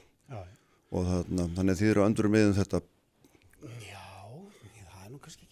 nei. Þingmaður, vinstri gærna og þingmaður nei. sé ekki alveg sammála um ríkisúttarpið Nei, nei, og svo er framsóknarflokkurinn í miðinni og hérna, svo hoppar það skopar bara einhvern veginn. Já, Já, já, já, ég, já, ég laka til að heyra hvað ráð þeirra vill gera. Mm. Hún hefur ekki talað um það ennþá, hvað það er sem hún sér fyrir sér í þessu, enda svo sem skildi hana nú þannig að hún væri nú bara að ræða að þetta var eitthvað sem ætti að, ætti að svona fara að huga og, Mm. og, og ræða hvernig er þið gert. En það verður áhört að heyra hver, hver hennar stefna er í, er í því. En, en já, ég segi, sko við erum hérna með ríkisútvarp og það er einhver ástæða fyrir því og svo getum við verið samanlegaði og ósamanlega. Menna, ég er á því að við eigum að vera með gott og öflugt ríkisútvarp. Við erum að bera okkur sama landir í kringum okkur og, og, og já, ekki bara nærumhverfi eldur og þar eru, eru ríkisútvarp og, og, og það, það er ástæð fyrir því, það er menningalegt hlutverk og svo er það líka liðræðislegt hlutverk þegar kemur að það hérna bara að veita stjórnvöldum aðhald, bara sinna fréttamennsku. Þannig að ok, þar eru við, við viljum svo leiðis. Mm. Það þarf að sýtast yfir hvernig viljum við það sé, hvert á umfóki að vera og svo framvís og svo framvís. Það er eins og það er í dag, viljum við halda þið þannig, viljum við samdrátt, viljum við skera niður, hvað viljum við gera og svo framvís. Ég er ekki endilega á því. Eh, Ég er á því að styrkja ríkisútvarpið ef eitthvað er. En þegar við erum að ræða um ríkisútvarpið þá verðum við að byrja þar. Við erum að sé lögum þetta sko. Þannig að fjármögnunin, hún að sjálfsögðu er líkiladriðis. Við gætum ekki sagt hérna að við viljum uh, taka tekjur af landsbítalunum. Öðruvísin að við myndum verða þýgum svöru við því ok, hvað viltu þá að vera gert? Viltu að verði skorið niður landsbítalunum? Eða viltu að, að hérna, bæta þeim það upp á einhvern annan hátt? Uh, það þarf að vera byrjun, að mínu viti.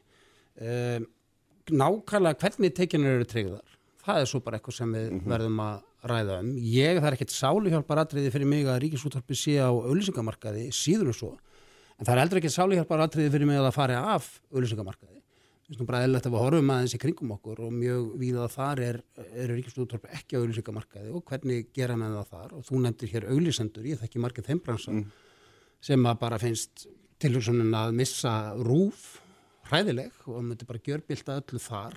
Uh, af því að það er ekki þannig að auðvitað að tekið rúf þeim er bara dreift jaft niður á allari filmuna, það virkar ekki, þetta virkar ekki þannig sko. en þetta á að vera uppháspunkturinn á mínu viti. Hver, hvernig viljum við hafa starfsemina og hvernig viljum við tryggja fjármönuna og hér er nefnt að Óli Björn hafi talað um að setja fjárlög. Og ég geld ákveðin varhug við því.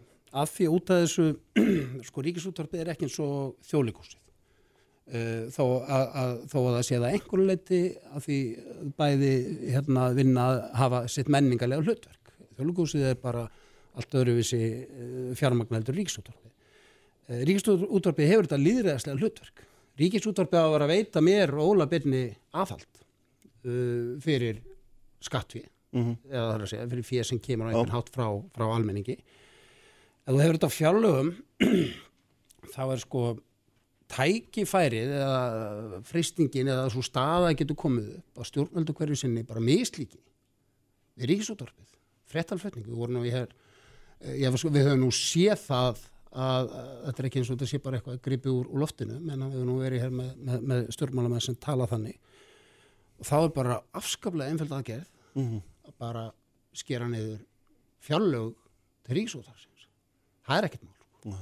Þannig að einhvers konar hvað maður að segja, millistig, eitthvað skonar vörn við því og auðvitað sé svo líka með útvarskjaldi þetta ákveða upp að þess hverju sinni. Það er það samt einhvers konar millistig að því að það er þá alveg sértekið út. Óli, Sko, það er nú, veltiði oft fyrir mér, ef við værum nú í þessari stöðu í dag sem við erum, en ríkisútvarpi væri ekki til. Við værum bara með hér engan rekna fjölmjöla, þá velti ég fyrir mig hvort að það væri einhver stjórnmálaflokkur eða stjórnmálamaður sem væri tilbúin til þess að koma með tillögu um að stoppsetja ríkisútvarp. E, það verið aldrei gaman að taka þátt í þeirri umræðum mm -hmm. þess að ég að, að, að þó að menn geti bent á að, að því að Kolbett var hér að ræða áðanum allarsvarsbandalagi og það var ekki sömust staðamæri allt önnur mm -hmm. heldur en 1948 eða 49, 51 sem kann að vera en sem kann að vera. Sem kann að vera. sem kann að vera. Þetta eru fallið í nákvæmlega.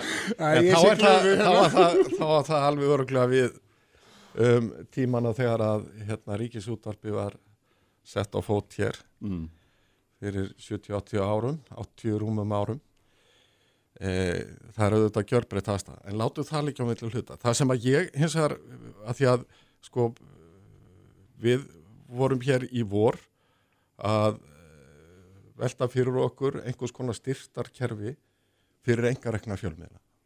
Til að hérna létta undir með engareknu fjölmiðlu til að tryggja einhvern veginn að þeir gætu lifað af. Mm -hmm ja, ættu einhverja, einhverja vonir um það að, að, geta stunda hér fjölmiðlun eh, sem að við höfum minnst áherslu í orðilegt áherslu á að sé hér frjáls. E, nú gengur það að ég sjálf sér gegn öllum grunnprinsipum mínum að það sé búin til einhver ofber styrtarsjóður mm. fyrir einhver engar ekki fyrirtæki en ég svona horfði á þetta og sagði já eitthvað verður að gera ég næ ekki þeim árangri sem að ég hef hafði vonast til hér minnst ást að mínum yngri árum að það veri hægt að samfæra Kolbinn og fleiri að, að leggja niður ríkisútvarpi og búa til hér hérna eðlilegt og samkjæmtis umhverfi fyrir fjölmiðla. Þá snýst þetta um það getum við þá farið einhverja aðra leið, jú, það er hægt að vera með einhverjum svona millifæslur sem eru nú ekki mjög geðfældar en það er líka hægt að þá að setjast neyður og segja, heyrðu býtu ok, við skulum rekka ríkisútvarpi en við skulum gera það þá með þeim hætti að rekstur þess hafi eins lítil áhrif á fjárhagslegan rekstur annara fjölmiðla. Mm -hmm. Og það er alveg augljóst að þáttaka ríkisútvarsins á auglýsingamarkaði er til þess að skekja alla stöðu. Þannig að það hlýtur að vera útgangspunkturinn í öllu því sem við erum að gera, hvort heldur við niðurstafur svo að koma upp einhverju hér umfóksmiklu eða, eða einhverju svona styrtarkerfi sem að hérna, við þurfum að taka, takast áum hér líklegast á komandi vetri til engareikina miðla að þá minnstu að skulu, skulu við byrja á því að rétta einhvað við hérna, stöðuna og gera hana eitthvað sangjarnari og það er ekki hægt að gera það öðru sig heldur hann að taka ríkisútvarpið af auglýsingamarkaði. Mm. Svo er það allt annur umræði í mínum huga hvort og þá með hvað hætti þetta verði inn að gæsalappa bætt. Ríkisútvarpöðunar bætt þessi tekjumis upp á 2 miljardar það er hluti af annari umræðu um það. Byrju tilkvæðs ætlumst við að mhm. ríkisútvarpinu? Hvað er það sem við erum að hérna, reyna að ná fram með því að reka hér ríkisútvarp fjölmiðil á í, í útvarp, útvarpi og sjónvarpi og netun mm -hmm. og hvert er hlutverkar, hvaða skildur eru og svo framvegist Þannig að þetta er þetta hérna svona flókinumra og, og því miður er það þannig að við erum alltaf að hjakka í sama fann. Já, við höfum verið það því svo árið tún skiptir. En, en sko við getum ekki... Þegar auðfúsi gestur þið eru þá verðið að við erum búin að vera svo já, lengi. Já, já, bara, bara aðeins með þetta. Það er lóð honum? Nei, nei, nei, bara báðir eldsnagt eitt í viðbót. Þetta er bara að byrja á svo kolvill sem enda. Þú tekur ekki, segir bara, tökum bara 2 miljardar og svo bara sjáum við til hvernig það verður gert. Ég meni hér er náttúrulega bara dölbúin eh, til um að leggja ríkisútvarpin niður. Það lifir ekkert eh, hérna, ekki svona. og hálfa óla hann hefur haft þess að skoða í 40 ár. en, já og með, með sko yngangjum að hann var nú búin að setja sig við að hann næði þess ekki í gegn sko. En bara aðeins að bara hafa það reynu með það að, að í Norðurlöndunum þar er, á, á, á lönd, í löndum þar sem að ríkisútvarp eru ekki á auðlýsingamarkaði þar er enguða síður stuðningur við engarekna fjölmela mm. þannig að þessi sko grunnforsenda að þetta verða að gera svona sem Óli byrjum með, ég er bara algjörlega ósamála henni Já. að því sögðu en þú segir hins vegar en þú segir hins vegar Kolbeinn að hérna þú ert á móti því til dæmis að við tökum þá ákvörðin að setja bara ríkisútvarpið á hérna fjárlöga því að þú ert þá hrættur um að einhverju stjórnmálunni komi einhvern tján í framtíðinu og beiti óbeldi og lækki framlögin að þeir mislíki eitthvað. En á sama tíma ert að segja að það sé að ríkið eh, takja sér til og styrki fjárháslega engarekna miðla og gera það að háða ríkisvaldinu, gera það að háða fjárveitingavaldinu með hérna því að búa til svona styrtakerfi mm -hmm. og hérna og síðan eiga þeir að veita okkur aðhald sem tökum ákvörðun á hverju einasta ári hvort það eru hérna 100 miljónir eða 2 miljardar sem renna mm. til sjálfstæðara sko, miðla, þannig að þetta gengur ekki alveg. Ég hef engan draumum það að ríki sé að styrkja engaregna fjölmila, það er ekki, ég, ég, hjarta minn slæðir ekki verið því í pólitík að við styrkjum morgunblæði, sko. Ég er bara að horfa á þá stöðu og þetta er ekkert eitthvað tómarum og þetta er nefnilega svo mikil einföldur á umræðinni mm. að staða hérna fjölmiðla er bara, hún er svoðið niður í, í rúf og auðlýsingamarkaði. Fjölmiðla er um allan heim áskipta fjölmiðlar eða fjölmiðlar sem þurfa að selja aðgang að efni sínu berjast í bökkum. Við þar aðstæður finnst mér eðlilegt að við setjumst yfir það mm. og þetta á ekki bara við um hér. Við gerum, gerum þá um, það sem að okkur hérna, við ráðum við. Og, og bara ég ætla að enda minni loka um það að Ólega segir þetta sé eina leðin. Sko. Það er ímsara leðir. Við erum búin að búið þessar skringilegu stöðu sem er bara einhvers konar ofinbæra auglýsing og sölustofa uh, ríkisinn mm. sem er ríkisútvarpið. Mm. Akkur tökum við ekki hluta þenn tekjum og dreifum til annara fermin. Herðið, við skulum bara hafa þetta sem hérna, loka áriðinu, þakka ykkur báðum kærlega fyrir að koma og hérna, frábært fá okkur. Uh, Eirik Bergman verður hérna hjá mér og líka Hildur Björnstóttir borgarfulltrúi eftir augnablik. Sprengisandur, alla sunnudaga á bylgjunni. Frettir þjóðmál og pólitík. Sprengisandur á bylgjunni. Sælir aftur hlustendur, Óli Bitt Karlsson og Kolbjörn Óttarsson Broppi farnir frá mér e, umræðan spansnum svo um daldið um Víðanvöll og hérna kannski ekki alveg um það sem við ætluðum okkur við vorum daldið að tala um alþjóðamjól og svo verður Hildur Björnstóttir hérna borgarfjöldrú hérna eftir svo ég gleymi því nú ekki. En Eiríkur Bergmann er hérna sestur hjá mig prófessor við Háskólinni Byrjast og við svona þetta, þetta hefur nú daldið verið svona e, þessi umræði morgun daldið upptaktur og okkar spjalli vegna hérna, sem að, svona, mér, mér, finnst áhugavert og langaði að bera undir því. Það er náttúrulega þessi áhug á Grænlandi sem að svona virtist nú verið einhver brandari en nú kannski ekki svo mikil brandari sko. og hérna bandarækjuminn er alltaf inn að farnir að fá mikil áhuga á norðurslunum, farnir að tala um þessum tækifæri, þeir tala um hérna bráðnun jökulsinn sem mikil tækifæri og menn eru brjáleðir að starra því þeir eru tala ekki um loslasbreytingar og þeir hérna neitu að skrifundir álíktun á síðasta norðursköldsráðsfundi eða ég held að allandi kálsi heitir það ekki norðursköldsráði um hérna það sem átt að nefna hérna loslasmál þannig að þetta er svona, svona dempi nú bara á því hérna einhverju breyðri mynd. Þannig er eitthvað að gerast, menn tala um nýjan Panamaskurð, Súeskurð, þar þurfum við að setja um eitthvað gjallir, úrsasíu þegar að byrja er á þessu. Við erum að sjá einhverja svona, einhverja hræringar þarna ekki. Jú, jú, alveg augljóslega. Svo verður sem að núverandi bandaríkjafórsti hafi fengið mjög skindilegan áhuga á, á, á, Norðurslóðum. Hann fær oft mjög skindilegan áhuga á hinn og þessu já. og það er svona misjátt hvað það endist. Um, Sko, þetta eru þetta svæði sem eru gríðarlega mikilli deglu út, út af lofslagsbreytingum en ekki aðeins þess vegna líka vegna þess að þarna eru bara gríðarlega uh, spennandi uh, landsvæði og ekki síður samfélag mm.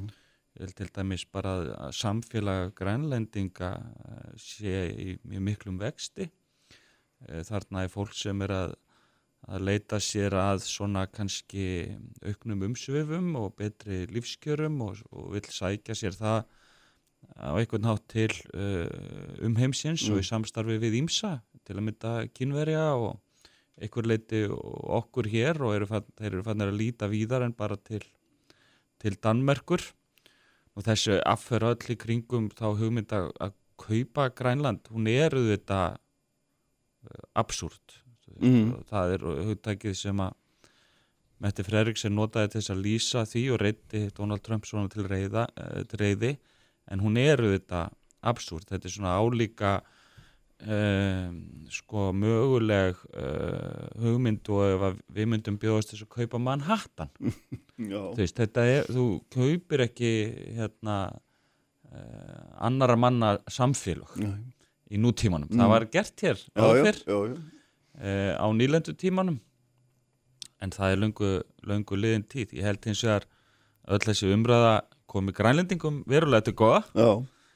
Grænland er allt í hennu komið á kortið og það er til að mynda alveg feikilega spennandi ferðamannaland. Það er svona seinustu óbyðunar í Európu mm, En sko það er, það er svona það sem, er, sem ég kannski svolítið er einn að fiska eftir sko, jú þetta var svona absúrt brandarið einhver en svo er eitthvað hérna meira, það er einhver vegna svo, er, svo hefur maður séð að Pompeo og Utenriksráð þeirra og fleiri og fleiri bandarski stjórnmálamenn er að gera sér gildandi á þessu sviði sem voru ekkert að gera fyrir nokkru mánu, það var eins og þeir hefðu bara engan áhuga. Sko. Jó, þeir náttúrulega hafa alltaf tekið þátt í þessum norðurslóða uh, samstarfi mm. og verið þar framalega en sko hluti af þessi náttúrulega líka sá að uh, Rústland lítur á heimskautið sem sitt heimasvæði mm Uh, sko, Utryggisræður Rúsland kallaði sko, saði eitthvað tíman sko að norðurskautið væri rúsnest mm. og það er líka þessi gamli, þetta gamla stórvelda kapplöp sem er að einhver leiti uh, farið að stað. En uh, og bandaríkinni eru, eru jú farin að, að líta mjög auknum í auknum mæli til Grænlands og, og Norðurslóðana, það hefur verið eh, herstöð í Túli, mm. norður Grænlandi eh, lengi vel. Eh, alþjóða flúvöllur eh, Grænlands er byggð sem amerísk herstöð. Já, já. við þekkjum nú svo leiðis eh, eh, hérna og nú segir Trump að hann vilji setja bræðiskrifstofu í núk og allt er þetta til marksum auki mikilvægi Grænlands og norðurslóðana mm það eru þetta fyrir þessar þjóðir, smá þjóðir sem ekki hafa mikla möguleika á valdbeitingu til varnar þá eru þetta ákveðið ágjöfni hvernig heimsöldin eru einhvern veginn farin að, að, að líta á þessi svæði mm. það eru þetta áhugjefni fyrir grænlendinga að fórseti bandaríkjana telji þeirra málefni vera eitthvað sem hann getur átt bara týrlega sams, samtal við fórsetisráður Danmörkur um. Mm Það bara svona lýsir ákveðin afstöðu til stöðu fólksins sem býr Já, á Grænlandi eh, og þetta lýsir ákveðinu svona eh, ég segja sko vannvirðingu en eh, vannþekkingu þá mm -hmm. Á því að, eh, að fólki sem þarna er áður þetta svæðið og það ber að ræða það beint við það allt sem því viðvikur mm, nákvæmlega.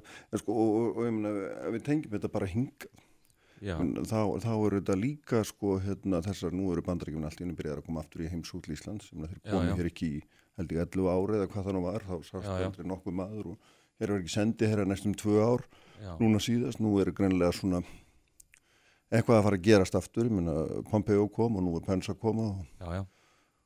Jú, og það, þeir eru fannir að lýs, líta í þessa átt að, að, í meira mælin áður. Það er líka sko til þess að taka að e, sko, utanríkistefna bandaríkjana breyttist fyrir all nokkrum árum þar sem þeir, þeir einblíndu á Asju. mm, Það var sko algjör breyting á þeirra fókus og þeir, það var allt sem þeir gerðu uh, snýrist að, að, að Asíu og svo í samstarfi við uh, Evrópusambandið. Nún eru komið til valda stjórnvöld sko í Washington sem er í átökum við báða þessa aðila.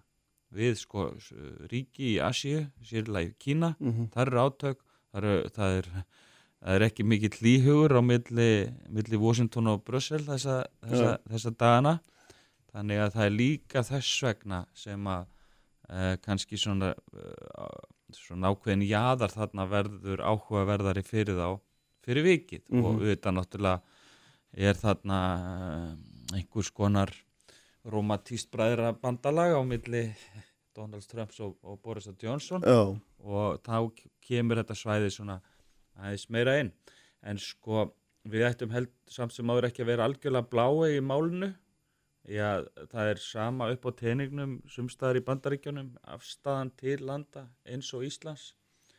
Tók eftir því umræðum á, á Fox News og þá var panelin þar uh, farin að ræða það í fúlustu alvöru að fyrst að, fyrst að hann fengi ekki uh, Grænland, hvort hann geti ekki þá bara keft Ísland í staði og ég meina hérna fjók fyrst okkur þetta algjörlega sprenglæg en hérna en sko lýsir samt einhverja afstöðu. Já, já, nákvæmlega, sko, annað sem er lítið merkildi í þessu sammingi er, að- er að hérna, sko, þetta norðurskautsráð, þar sem að, hérna, þar sem að, sko, Pompeo ávarpaði núna síðast í, í vor og, og fór að tala með mikið um varnur og örgismál, þetta hefur alls ekkert verið slíkt fórum, þetta hefur einmitt verið um, um hérna, lofslagsmál og, og svona efnaðasmál og eitthvað þess að það er miklu meira samstarf en ekkert um varnar og örgismál, hann tók bara svið og byrjaði að tala um þetta og síðan var þetta náttúrulega stórmerkilegt því að bandaríkjumenn hafi sem mótmælt í en fjölmjöla tellja sig hafa miklar og sterkar heimildir fyrir að þeir hafi neitað að skrifa undir loka áliktun að því að minnst var, að því að inn í henni voru orðin climate change. Já, já.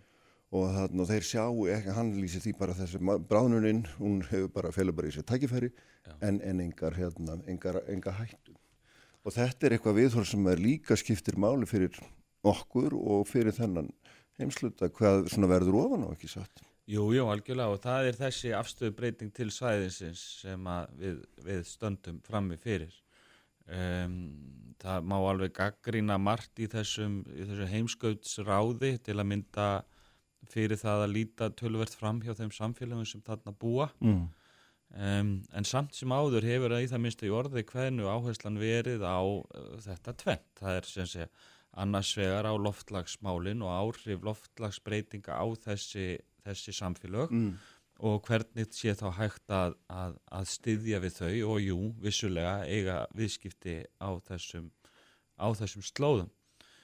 Í því stórveldabröldi sem að nú virðist vera að teiknast upp að þá líta menn fram hjá báðum atriðum. Mm. þar er sér framtróðum þeirra samfélag sem þarna eru, þau koma bara ekki til umræðu og síðan er afneitun á því að uh, það er lofslagsbreytingar sem að augljósar eru á norðurskautinu séu af mannavöldu Mm.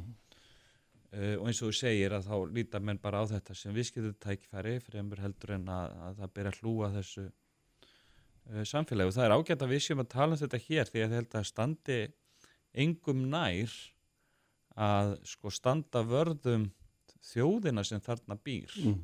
Heldur en Íslendingum sem að brutust jú til uh, sjálfstæðis í uh, baráttu gegn erlendu yfirvaldi, dönum Mm. uh, og við vorum í samsvarandi stöðu að mörguleiti og grænlendingar eru í núna Mm. og ef það er eitthvað í okkar arfleð sem að við erum stolt af í þeim efnum þá er það eitthvað sem við getum miðlað til uh, fólksins sem þarna býr Já. og uh, og mér finnst undir uh, sko þótt engilegt að það skorti dálítið á akkurat þann vingil í umræðinni hérna um, uh, um sko heimskautið að þarna, þetta er heima byggðir fólks Já. þjóða sem að þarna, sem þarna búa Já. Er menn skauti. menn skauta dálítið mikið yfir það Já. Og, uh, og það, og það er, hefur, hefur orðið breyting til þess verra í þeim efnum í umræðinni að undarförnu þar sem að, að sko um, uh, þjóðin sem byggir Grænlandi er valla uh, nefnd til sögunar Mm. í samhengi við sín eigin heimkynni Mm. Er ekki upplætt fyrir, fyrir okkur að hérna, vekja máls á þessu við varafasta að hann... Við ættum að ræða þetta hvar Fyrir- sem við komum Já, auðvitað í samráði við fórustumenn á Grænlandi já, já. en hérna eh, en þetta ætti að vera eh, kannski einhver ríkasti þráður í uttaríkistefnu Íslands að styðja við fólki á Grænlandi Mm. Jómandi, ég heldur fyrir mikið lengri bíl er ykkur hérna. Takk fyrir að koma. Og höld áfram með Hildi Björstóttir borgarfulltrú eftir augnablik. Sprengisandur á bylgjunni alla sunnundasmórna. Kraftmikil umræða alla sunnudaga. Sprengisandur á bylgjunni. Sæli hlustendur, Eiríkur Bergmann, Einarsson, prófessor, háskólan á Bifröst, farin frá mér. Við erum að fjalla um norðurslóður, mikilvægi, mikilvægi þeirra, rættum það tölvöldin hlutskipti grænlendinga meðal annars uh, í þessum svona stórveldaslag sem er að myndast þarna um á þessum, þessum frægu norðurslóðum títt nefndu. En hingað heim og aftur til Reykjavíkur, Hildur Björstóttir, borgarfulltrú sjálfstæðisflokksins sest hjá mér, velkomin. Takk fyrir. Sko ég rætti við hana Sigurborg Ósk Haraldsdóttur í, fyrir viku, svona þessum miðborgina uppbyggingunni í henni og það var nú reynda tilkomið að þessum, þessum framkvæmdum öllum og kvörtunum sko veitingamanna og svona rættum aðeins líka bara um þá mynd sem er að skapast í þessari gríðalegu uppbyggingu og mér langaði að heyra svona aðeins í þér og ykkur, eða já, þessi, sömu mál sko bæði svona hvernig vinnubröðin eru en líka bara svona hvernig þér finnst þessi heildarmynd vera að mótast og, og svona að því að maður heyrir að veitingamennir er mjög að kvarta og það er allt margir og, og þá er spurning um stýringu hefur verið að stýra hver eru hvað og svo framvís svo já, það er bara mjög opið fyrir því til að byrja með hm. Já, það hefur verið talsveit neikvæð umræða um miðborgina að minnstakosti síðasta árið og ég hef vandað mig við það og það var svo sem ekkert verið erfitt en að taka ekki þátt í því, heldur að standa með miðborginu og reyna frekar að tala hana upp. En þessi umræða sem hefur verið í gangi núna síðustu vikur um þessar framkvæmdir og hvernig það er bitna á rekstraræðlum og þetta samráðsleysi sem að rekstraræðlar í miðborg er að mæta frá borgaryfirvöldum, ég held að sé mjög mikilvæg umræða og hún svona, já, hún, hún hérna á heima víða í, í starra samhengi í borginni.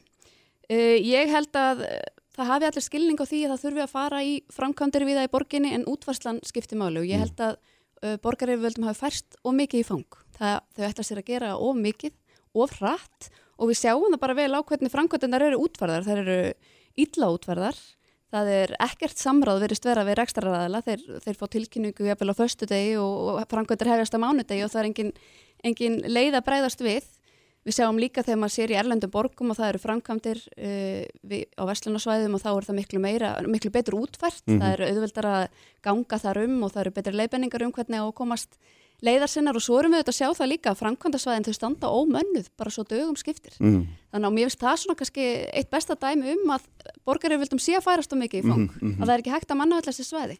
Þannig að við þurfum kannski að fara okkur aðeins hægar Já, og það er mjög mikilvægt að eiga í betra samtali við þessar ekstraræðila sem Mhm. eru flestir bara lítil fyrirtæki sem eiga jafnvel lífsviðvar sitt undir því að þessi fyrirtæki gangi. Þannig að þetta er eitthvað sem að þarf að draga mjög mikið lærdum af. mhm. og finnst þér svona bara þá framkvæmda hraðin almennt, hann er bara of mikill. Það virðist, já, Mm. það virðist vera. Ég meina núna, maður verður til og með hrósa því að hverfiskatan hefur byggst mjög skemmtilega og fallega upp. Ég flutti sjálf á stúdendagarða á Lindagötu Mm. fyrir svona 13 árum síðan og bjóð þeirri nokkur ár og það var bara mjög skuggalegt að ganga um hverfiskötu á þeim tíma og, og sem ung kona þá var maður bara oft reynilega rættur. Já, Uh, og þannig að það, það hafa verið mjög jákvæðar breytingar þar á. En rekstraræðilega sem eru til dæmis ofarlega á hverfiskötu og hafa síðust ára lent í svona ákveðnum hremmingum vegna framkvæmda á hverfiskötu uh, hugðu að allt myndi einhvern veginn lagast og batna þegar að sá Mm. hluti myndi verða tilbúin en þá einhvern veginn færaðu sér alltaf neðar og þetta gerist svo að, að, og þetta hefur svona þessi keðverkandi áhrif mm, og mjög neikvæð. mm.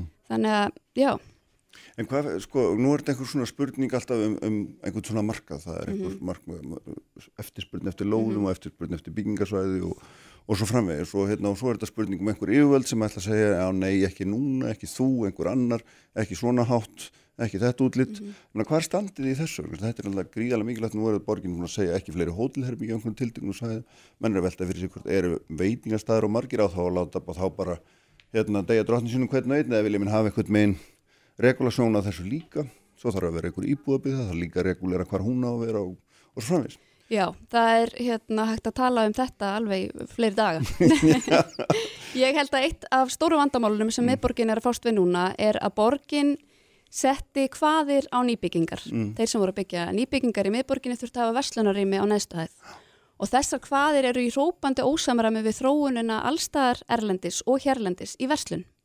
Netverslun er að færast í aukana og við sjáum það bara í, ég var til dæmis bara í London um daginn og var í Soho sem er bara vinsalt hverfi og heilmikil verslun og þar taldi ég bara á örfá á mínútum 15 auð verslunarými á besta stað. Þetta er bara þróun, þetta er ekkert sér íslenskt fyrirbæri, þetta er að gerast við það og það er þá mjög sérkennilegt að á meðan við erum að horfa á þessa þróun að þá sé borgin að fjölga verslunarýmum. Mm.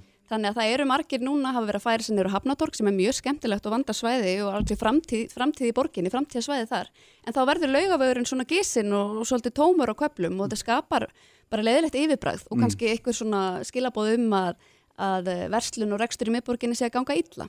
Þannig að mér varst þetta að vera kannski sína að, að borgaryfirvöld er kannski ekki að kynna sér nægilega vel þróunina sem er í gangi. Þetta er alltaf breytast Mhm. og við lifum náttúrulega bara á tímum svo örra tekni breytinga að hérna, fólk þarf auðvitað líka að vera vakandi fyrir því og núna er fólk kannski meira og ver verslanir eins og erlendis að við sjáum það í stórum gutum eins og Regent Street í London og þar eru þessar stóru verslunarkeður með risastóru verslanir og þær standa ekkert endlega undir sér.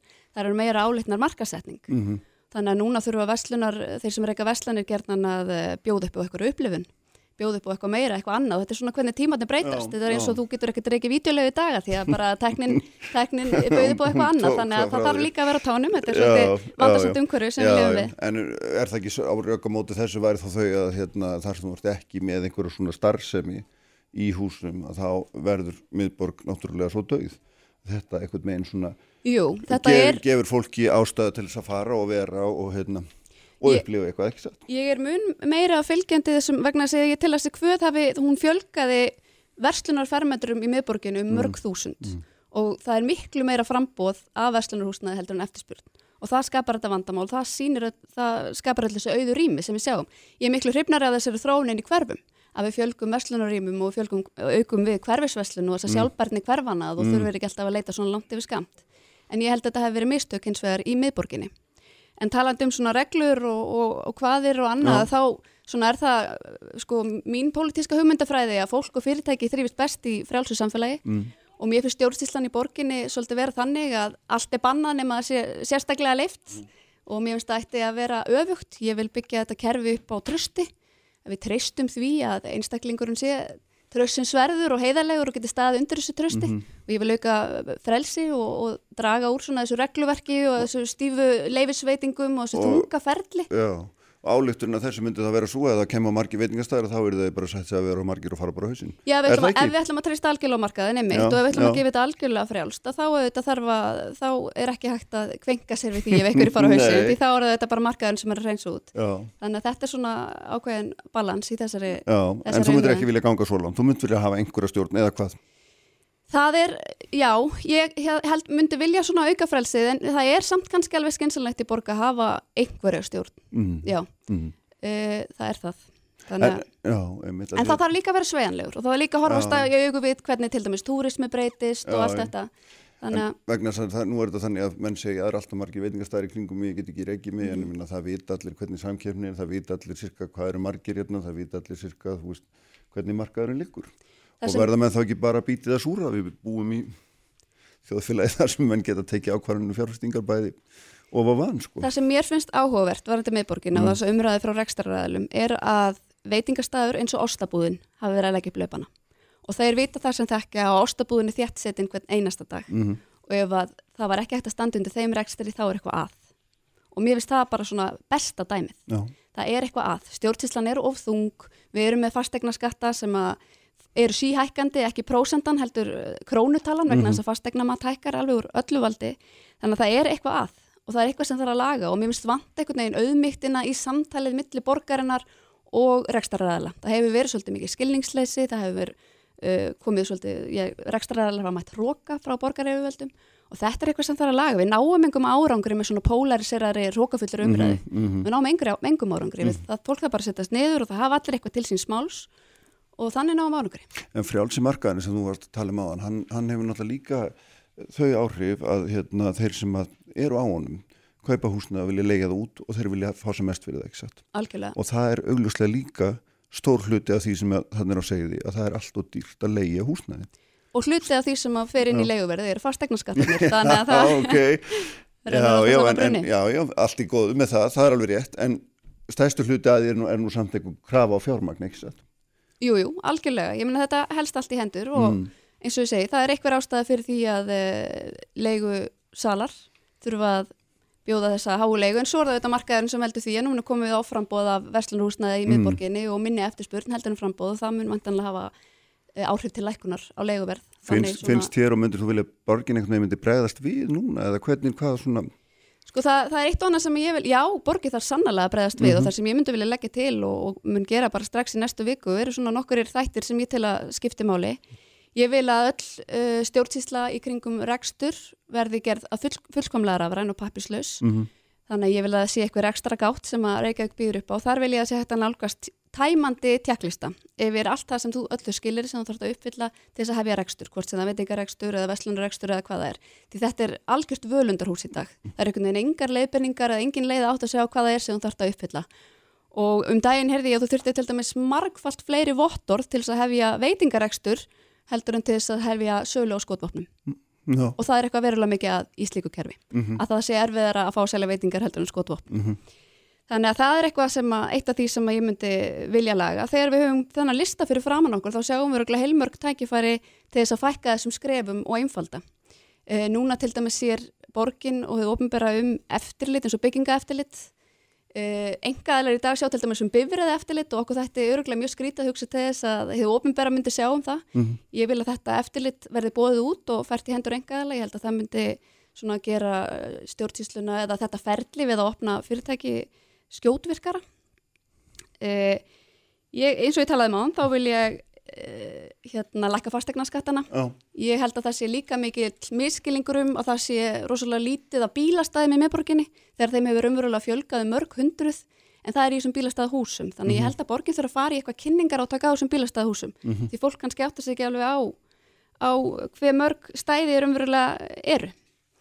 Uh, já, og svo rætti ég það nú í, í, í skoðanagrein í vikunni, veldi ég upp þeim möguleika hvort að vegna þess að við erum með mörg hundruð eða ekki þúsund ofnbæra starfsmenn í miðborginni og þeir eru, hafa allir aðganga að mötuneytum og það er, ég er svo sem alls ekki einhver hérna andvískona gegn mötuneytum, það, það er nú alls ekki, en það sem ég var að reyna að velta þarna upp var bara hugmynd og það var mjög ánægilegt að mista eitt af mínum hlutverkum sem manneska í stjórnmálum að skapa umræði og það tókst þarna, það kom afstæða ákveðin umræði um það hvort að Opinber fyrirtæki og þá líka kannski bara ön- önnur fyrirtæki líka reyni í stað þess að reyka þessu mötuneyti eða samsliða því með einhverjum hætti að semja við veitingahúsaeigendur í miðborg um sérkjör fyrir sína starfsmenn til þess að fá svona já, meira, meiri miðborgastemningu og meira mannlíf í borgina Þannig að í, myndi beina ofinbæri fjármagni út í Já, mögulega, já. Mm. Ég menna eins og nú hef ég aðganga mötuneyti ráðhúsins og, og það er bara mjög fínt og ég hef ekkert á, á móti því, þetta er bara Nei. hugmynd sem ég velti hér upp. En þar borgum við um 580 krónur sjálf Mm. fyrir máltíðina og svo eru niðurgreita ykkur leiti á móti. Já, Þannig að mm. þetta kostar allt peninga, þetta er ekkert ókeppis. Mhm. Við borgum fyrir þetta og, og, vinnuveitandi borga fyrir þetta, þannig að það mætti útfæra þetta með ykkur um sambarilegum hætti Mhm. út inn í miðborgina, Já. inn í veitingareksturinn og þetta þekkjum við, svona fyrirkomulag þekkist í París, það þekkist í Svíþjóð og Finnlandi og mjög víða Mhm. og hefur mjög jákvæð áhrif á hagkerfið í miðborgunum og um leiður komið með allar þess að traffík út í miðborgina í háttegin- hátteginu þá hefur það keðjuverkandi áhrif fyrir aðra rekstraræðala sem að öll þessi fótstig og allt þetta fólk sem er hérna ferli þannig ég held að þetta geti verið, já, haft mjög jákvæð áhrif á hagkerfið miðborgarinnar Mhm. og hérna svona svo ég, uh, sko, skilji rétt út svona heldina frekar kannski sátt við svona uppbygginguna en finnst hún fyrst og fremst hafa farið fram og svona daldið svona fyrirgilust eða hvað Já, Nó frætt ég bara, eins og segi, ég stend með miðborginni og það er mikilvægt að fara í Mm. þessu uppbyggingu en hún hefur kannski farið of geist á stað og án samráðs miðborgin eru þetta okkar allra, hún á að vera aðgengilega okkur öllum og hún Mm. hefur svona kannski það eðli að vera, já hún er svona sparistofan okkar, þar, þar hittumstu þegar við hérna erum að halda upp á hátíðir og Mm. þar tökum við á móti gestunum okkar, erlendum ferðamönnum. En það gleymist líka mjög gerðan að þar býr líka fólk. Og hún hefur líka orðið svolítið erfiðu staður til að búa á. Og það er eitthvað annað sem þarf líka að ræða við erum að sjá að íbúum í miðborg er að fækka börnum í miðborg er að fækka. Það er nú samt fyrir að byggja alveg mingrúta íbúðum inn í Já, er, að, miðborgin innan gæslappa, allavega mjög nálætt henni og líka inn í henni miðri. Það er heilmikið verið að byggja miðborginni en bara fyrir þrönga einn og sama þrönga markkópin mm þetta eru stórar íbúðir það er hátt vermendarverð, það er gerðan bara eitt söfnabergi, það er ekki verið að gera ráð fyrir fjölskyldum þarna og markkópurinn er svona kannski eldra fólk sem er að minga við sig og ásvöldin pening.